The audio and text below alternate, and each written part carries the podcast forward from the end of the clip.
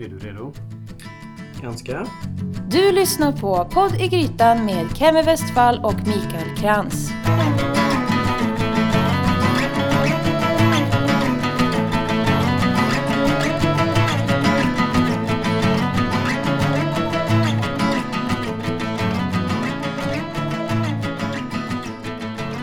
Hej och välkommen till Podd i Grytan avsnitt nummer fyra. Ehm, vilket även då, jag ska inte krångla till det. Nej. Okej, avsnitt fyra. Där vi fortsätter vårt mässreportage ifrån Passion för mat. Du ska inte berätta vad du heter idag. Jo, jag heter Kevin Westfall. Och jag heter Mika Krantz. Just det. I den här delen så kommer ni få höra tre intervjuer. Eh, Det är tre stycken alltså utställare som vi eh, ställer några frågor till. Eh, Det ena är ju Larsviken. Som är en liten potatisfirma ifrån Skåne. Jag vet inte om de är så små. Nej, de är nog inte det. De har väldigt många sorter. Jo, precis som hon berättade att de hade ju 500 sorters potatis. Ja, det är helt Som fantastiskt. jag, som jag ifrågasatte på ett idiotiskt sätt. Eh, nej, de har ju lyckats eh, bli så pass etablerade att de inte är beroende utav liksom, de stora distributörerna. Grossisterna. Ja, Ja, precis. precis. Som hon poängterade. Så att de måste ju ha så, tillräckligt mycket liksom, försäljning för att inte behöva... Ja, skitsamma. Så de är nog inte så små. Larsviken i alla fall. Eh, jätteintressant var hon vi, vi intervjuade. Eh, och sen så pratade vi med, eh, med vadå? Med Värmlands Skogsförråd AB. Eh, som eh, säljer frukt och bär. Eh, men eh, vi pratade med en tjej som jobbade ganska mycket med deras svamp. Just det. Som de säljer. Och torkar. Och köper. Det var ju lite det som var som de pushade på kändes det som just i, alltså i deras monter. Att de hade en massa olika svampsorter som man vanligtvis inte hittar ute i handeln. Nej. Nej, jag blev faktiskt förvånad att... eh, Eller förvånad blev jag nog inte. Jag, vet, jag visste nog att det inte är så många i Sverige som äter många olika sorters svamp. Eh, Men att Finland var bättre än oss, det visste jag inte. De är duktiga på mycket. Ja, Mobiltelefoner och hockey och sånt där. Eh, okej. Har du en finsk mobil? Nej men Nokia. De var duktiga i alla fall på 90-talet.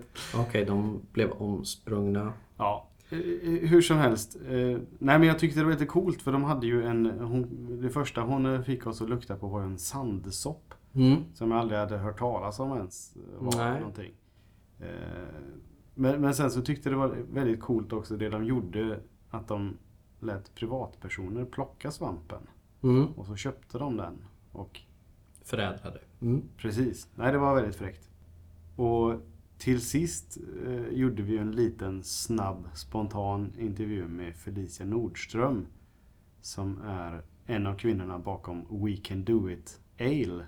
Som bryggs utav Oceanbryggeriet i Göteborg. Mm. Och jag, jag tyckte det var lite coolt för att det var, det var för det var ett väldigt gott öl. Alltså en väldigt god ale som jag verkligen kan rekommendera till den som gillar lite humlesmak.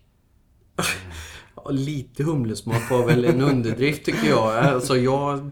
Det är som Felicia själv sa att det är en käftsmäll. Ja.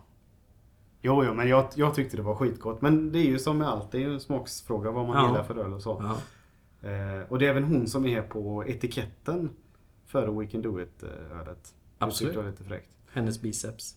Exakt. Eh, Så där gjorde vi en liten snabb spontan intervju.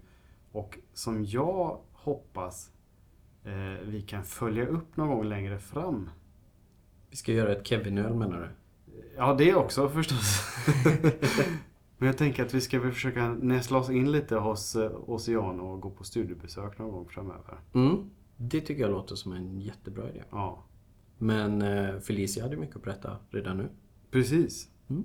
Eh, Så tre intervjuer det här avsnittet. Hur bra som helst. Då sätter vi igång. Ja.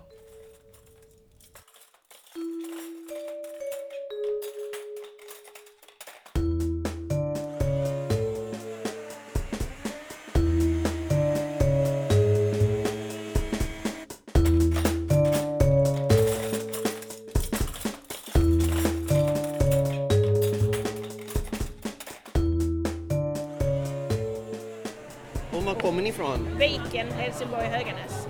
Larsviken, heter det så? Larsson i Viken. Larsson i Och det är Viken. byn, så kommer du med båt så ser viken ut så här. Och där har vi vår gård. Den målade tavlan nästan. Ja, När ja, det är det. Vem är det som har... ja, ni- Han heter Julius som har gjort den. Ja, fantastiskt. Ja, nej, så vi har ju en mölla och vi har en kyrka i byn så det är det som man ser när man kommer ut. Ah. En mölla, det vet inte folk i Göteborg vad det är. Nej, vad heter En det här? väderkvarn va? Eller Jaså, vad heter det? det- Kvarn? Ja, ja. Nej, och så, och så är det möllor ja. Ja, ja.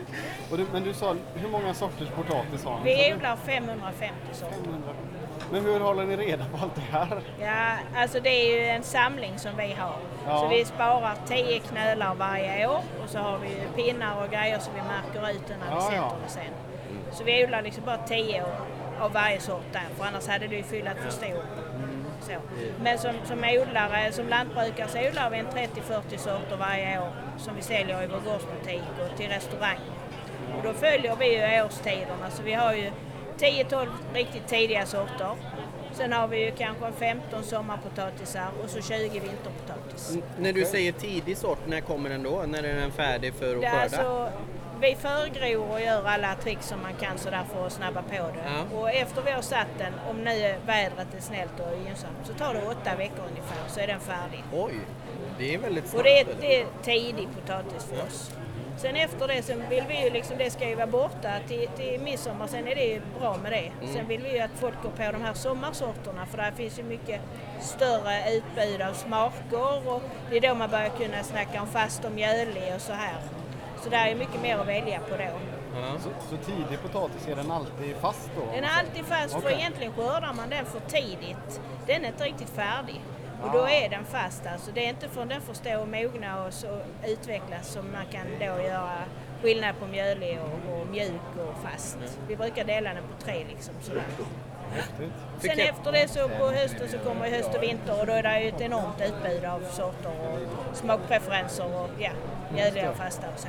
För Kevin sa eh, precis när vi kom emot eh, er här så säger han så här att potatis är min favoritgrönsak men då skrattar du lite och säger Nej, "Ja, det är grönsak är det grönsak." väl inte riktigt. Grönsaker är väl mer sånt som växer kanske ovan jord, annars är det Ja. rotfrukter eller Det- så är det då potatisen Ja, hamnar i rotfruktsfacket. ja, mer.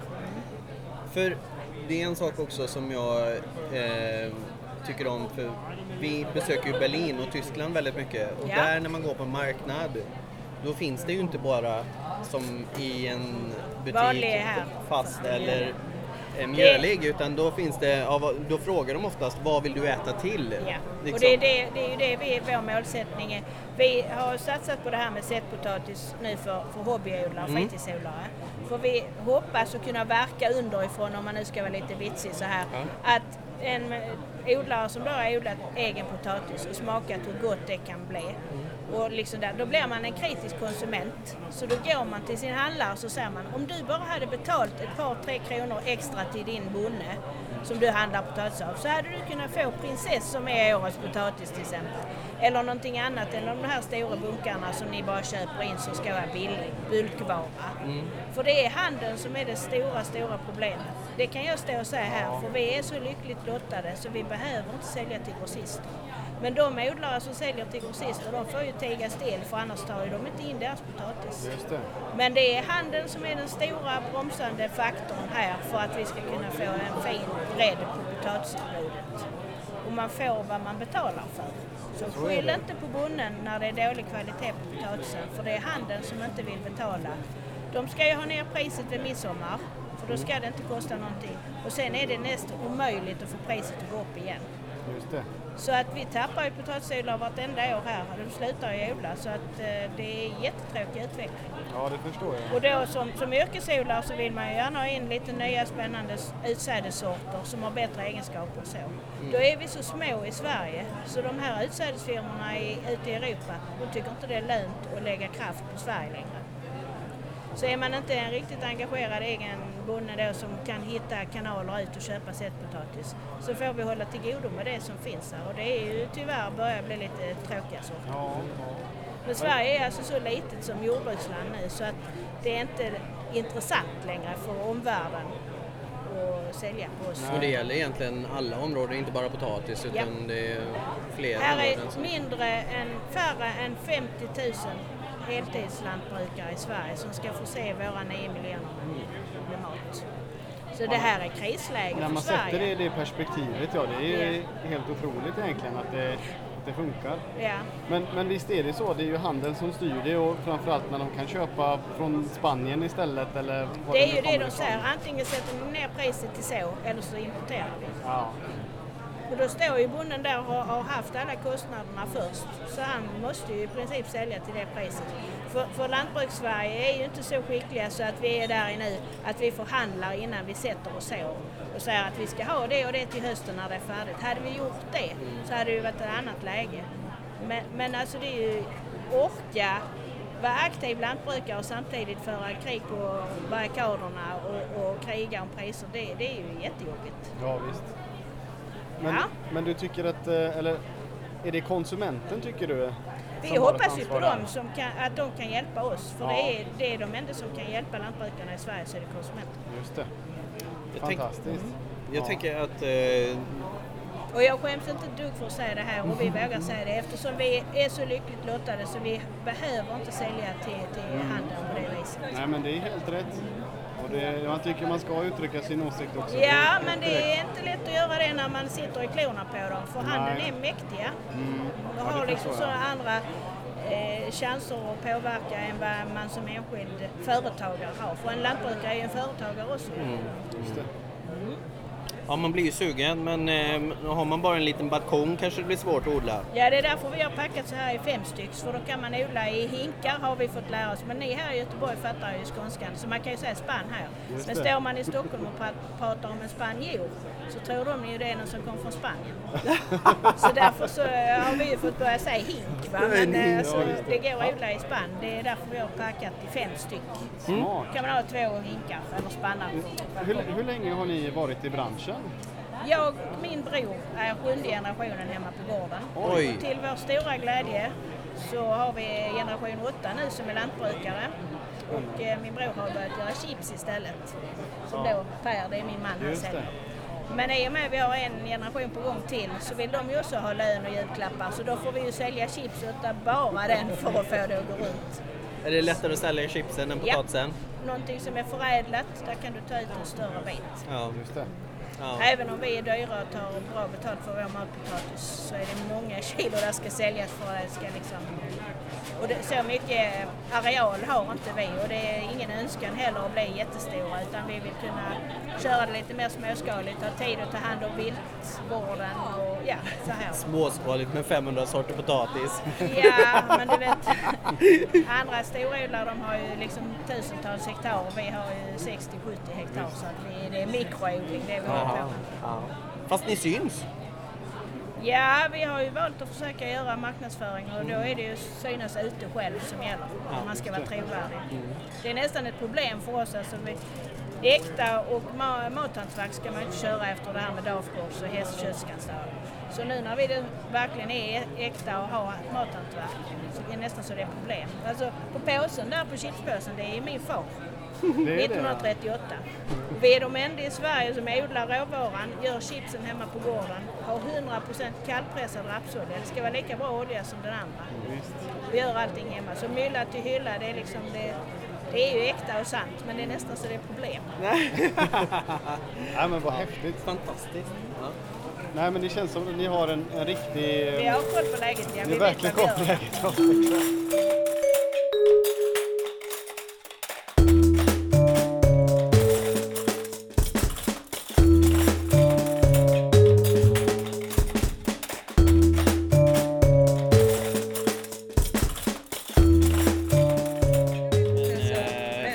ju ni jätteförpackningar Ja, precis. Nej, som man jag, blir jättesugen av. ja. Nej, jag sätter emot det, bara man tolkar det på rätt vis Ja. och hela den biten. Så, eh, Men vem sitter och sorterar de här? Vem, vad, hur vet man? Får man fråga det? Varför, tänk om det ligger någon liten farlig grej här i då? eh, alla de här, vi kan se, vi är såklart ett företag då, Ja. som jobbar idag, är vi nio anställda. Ja. När det är högsäsong, vi håller på med färsk svamp så är vi en 30-40 personer. Oj. Ja. Eh, och vi går igenom all Mm, mm. kontrollerar den. Eh, vi kontrollerar den flera gånger. Ja. lite vi kontrollerar den vid inköp, vi Mm. kontrollerar den vid försäljning. Mm. Och när vi torkar den så blir det ytterligare kontroller. Ja. Så att, eh, Mm. den är väl kontrollerad. Eh, ofta skulle jag nog vilja påstå att vår personal kan mer än Gemene man vanligtvis. Gemene man, eller ja. Min, Ja. eh, ja, jag vet inte. Man litar ju på sina släktingar men man Jo. kanske ska lita ännu mer på ett företag som jobbar med det. Man ska ju veta vilket företag, för det finns ju Ja. de företag som inte är seriösa. Utan, eh, mm, men vi det var känner ju- oss trygga med det vi gör. Ja, för det var ju i somras var det någon som sålde giftsvamp här på Vesalöhallen utanför. Okej. Det var faktiskt ganska eh, omskrivet. Att det var någon som satt och sålde svamp eh, som, och sen var det någon uppmärksam som kom dit och sa men det här kan du väl inte sälja? Jag tror det till och med blev polisanmält. Oj då. Mm. Eh, det, det kommer att hända. Mm. Eh, alltså det är ju det är människor som hanterar Mm. mat överhuvudtaget. Men det är ungefär som eh,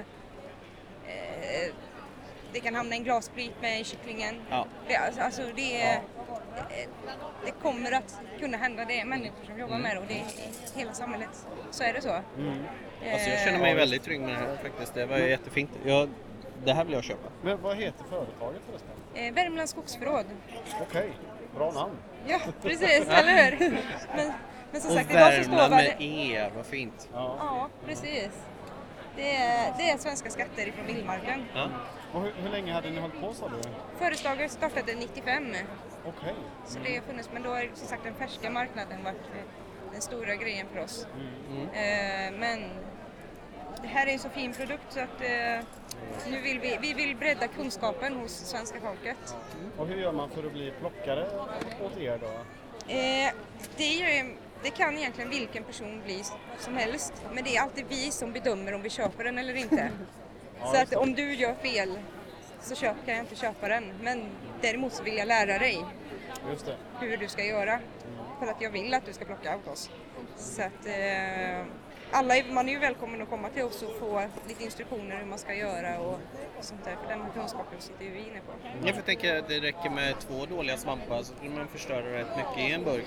Eller? Ja. Absolut. Det är därför ni kontrollerar den så väl. Ja. Men du, jag måste, nu hoppar jag mellan... Eh, men fårticka, är det de som växer på träden? Nej. Nej, det gör de inte. Vad heter sådana? Det är andra tickor. Ja. Det är andra, du har, ja. eh, Fårtickan, eh, jättegod. Mm. Fråga mig, vi har haft lite diskussion. Den har en fastare konsistens än andra svampar. Så det ska man vara beredd när man äter. Jag älskar det när det är lite tungt då ska man veta det. Har du någon sån här, någon spaning? Vilken svamp kommer bli liksom den, eh, den stora? Vad är årets eh, smak? Eller har ni någon sån här... eh, Ja, jag, det är väldigt personligt. Alla, alla älskar ju olika smaker. Det så det är, det är väldigt personligt. Men varje, jag- har visat upp den här ganska mycket på mässan. Och alla tycker att det, det är många gånger jag får sälja den när jag bara visar upp. den. Det är inte många som vet vem den är innan. Nej. Men eh, efter att jag har visat den så eh, blir den väldigt populär. Folk blir sugna på att gå hem och testa den. Mm, det förstår jag. Nej, den luktade helt fantastiskt Ja, verkligen. den är jättebra den. Var, om man nu vill köpa den, var hittar man den? Eh, I butiker? eh, Finns det några butiker i Göteborg till exempel? Eller Vet du det? Eh, Eller är det... Jag kan inte vilka Nej. butiker de har lyckats med än eftersom det är en ny Ja, produkt. ja. Men vi har fått bra genomslag på, på, Här, på bara den ja. här mässan. Mm. Så jag vet att det eh, kommer slå igenom. Ja. Så eh, än så länge så får man väl säga att man kan få beställa ifrån oss, man ringer eller mejlar till oss. Men det kommer komma ut i butiker, det är jag helt övertygad om. Vi håller på och designar upp en sån eh, butiksställning. Ja. Eh, och det är jättemånga butiker som har varit intresserade av att ta in den. Spännande. Så förhoppningsvis. Och förresten, tillbaka till att plocka. Är, är det bara liksom folk i närområdet, som, eh, alltså i Värmland, som plockar? Eller säger om min, min svärfar som plockar väldigt mycket här omkring, alltså runt Göteborg och så. Eh, Är, är det något problem eller hur funkar det? Alltså jag nekar honom aldrig att åka men jag rekommenderar honom inte. För att om han kommer till oss och vi inte är nöjda med kvaliteten Ja, och köper ingenting.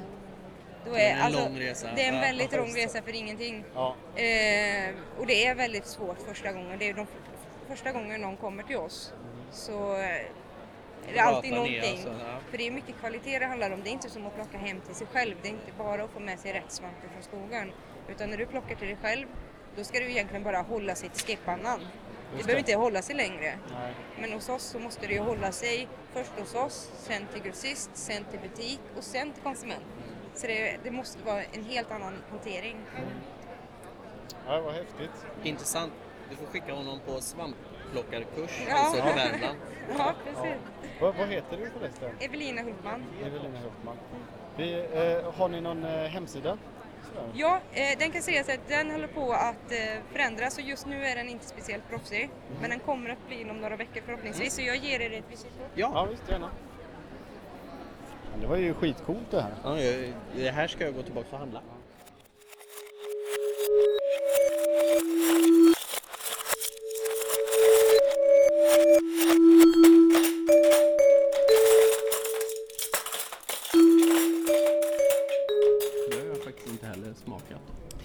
I början när, när jag såg att Ocean började synas lite här och var så eh, då tänkte jag, ja men då ska man prova alla öl och sådär. Och sen gick det ett år och så fanns det typ 100 ölsorter i bryggeriet. Det är det som är grejen med eh, öl liksom i fortfarande relativt småskalig produktion. Man kan göra en jävla massa. Mm. Liksom. ja, ja, men det finns ju sådana här One Batch Brewers här, bibliotek är ett av dem nere på Klippan här på andra sidan gatan och de kör ju olika öl varje batch. De är redan uppe i 160 eller 170 och har funnits ett par år bara. Det är lite häftigt alltså för att man har helt annat tänk mot att säger en Carlsberg som Mm. alltid ska se och smaka likadant. Och, ja, där man alltid vet vad man får. Mm. Nej, här liksom är det ju innovation som är drivkraften liksom Mm. i princip.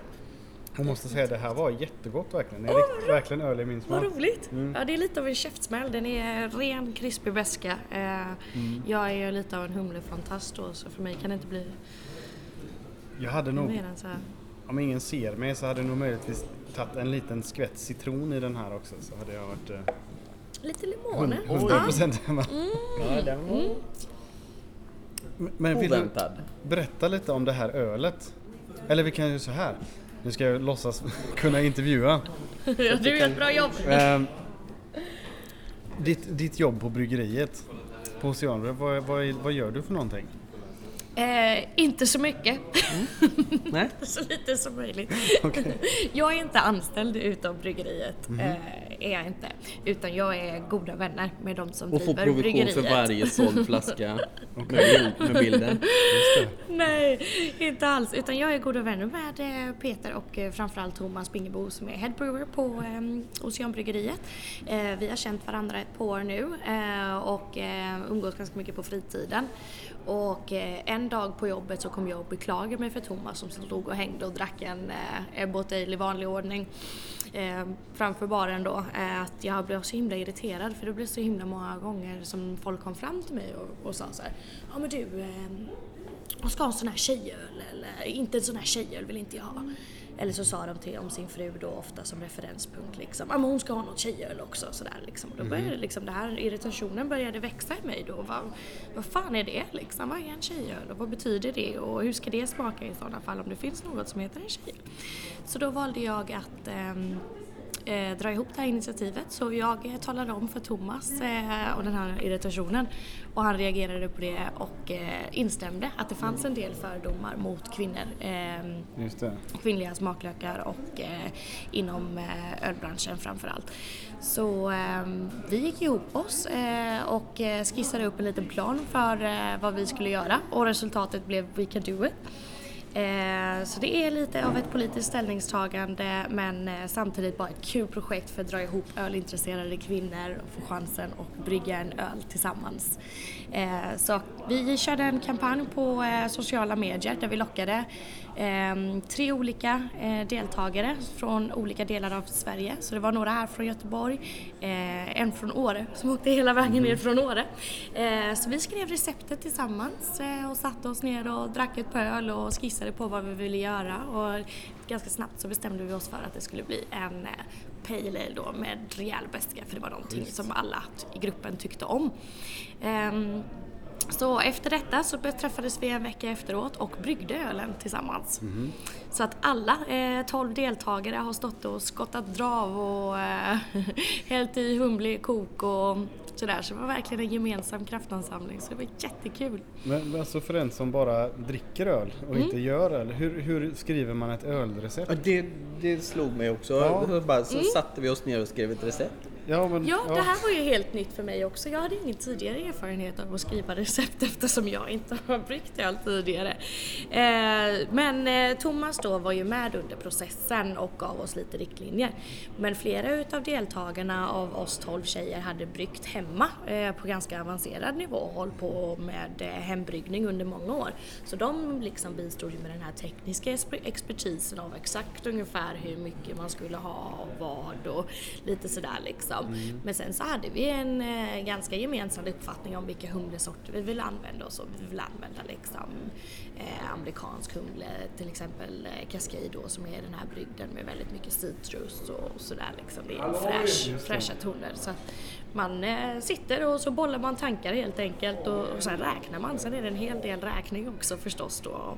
Ja, men på vadå? Alltså du får ursäkta att jag frågar så mycket men jag alltså, har... Ja, mängden, nej, men- alltså proportionerna för eh, de Precis, olika... proportionerna liksom okej. för hur det ska, exakt hur många kilo av vilken humlesort man ska ha i när och sen så är det ju sådana här OG och FG och gravitationsmått och sådana saker som inte jag riktigt är helt Okej. duktig på men den biten skötte ju Thomas då eh, som känner till bryggeriet men eh, det är ju liksom det är, ju- ölet består ju av fyra ingredienser. Det är liksom vatten, malt, jäst och humle.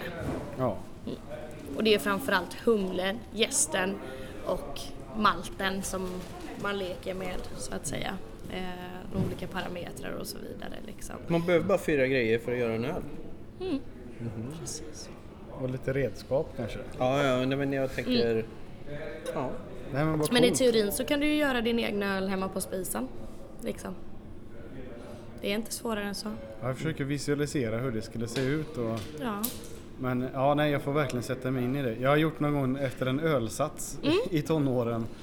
Och det blev faktiskt helt okej. Förutom att jag fick väldigt mycket huvudvärk utav det. det, var så här, det, det jag smakade bra men det var sådär två, två öl och sen var man borta liksom. Det var inte sådär, inte asbra. Får jag bara fråga så, har du någon mörk? Eh, Därför att det blir panik. Är det Min panik? vinborg är slut jag måste sätta en med salmiak till min vinprovning nu. Ja, eh, alltså du har ju arbetarporten, tung, eh, Mycket tung hum- stout. Jag öppnar en av varje jag köper. Du Ja. köper. Ja, jag, för jag får ta över dem på andra sidan. Det är lite panik nu kan vi säga. Salmiak och eh, det får inte vara för mycket beska. Nej, eh, jag tror att den eh, bästa varianten är Göteborgsporten. Vad tyckte du om eh, ölen Mikael? bäst till det du beskriver. Jag tycker att den eh, var väldigt oväntad. Alltså jag... Att den... Ja, snacka om...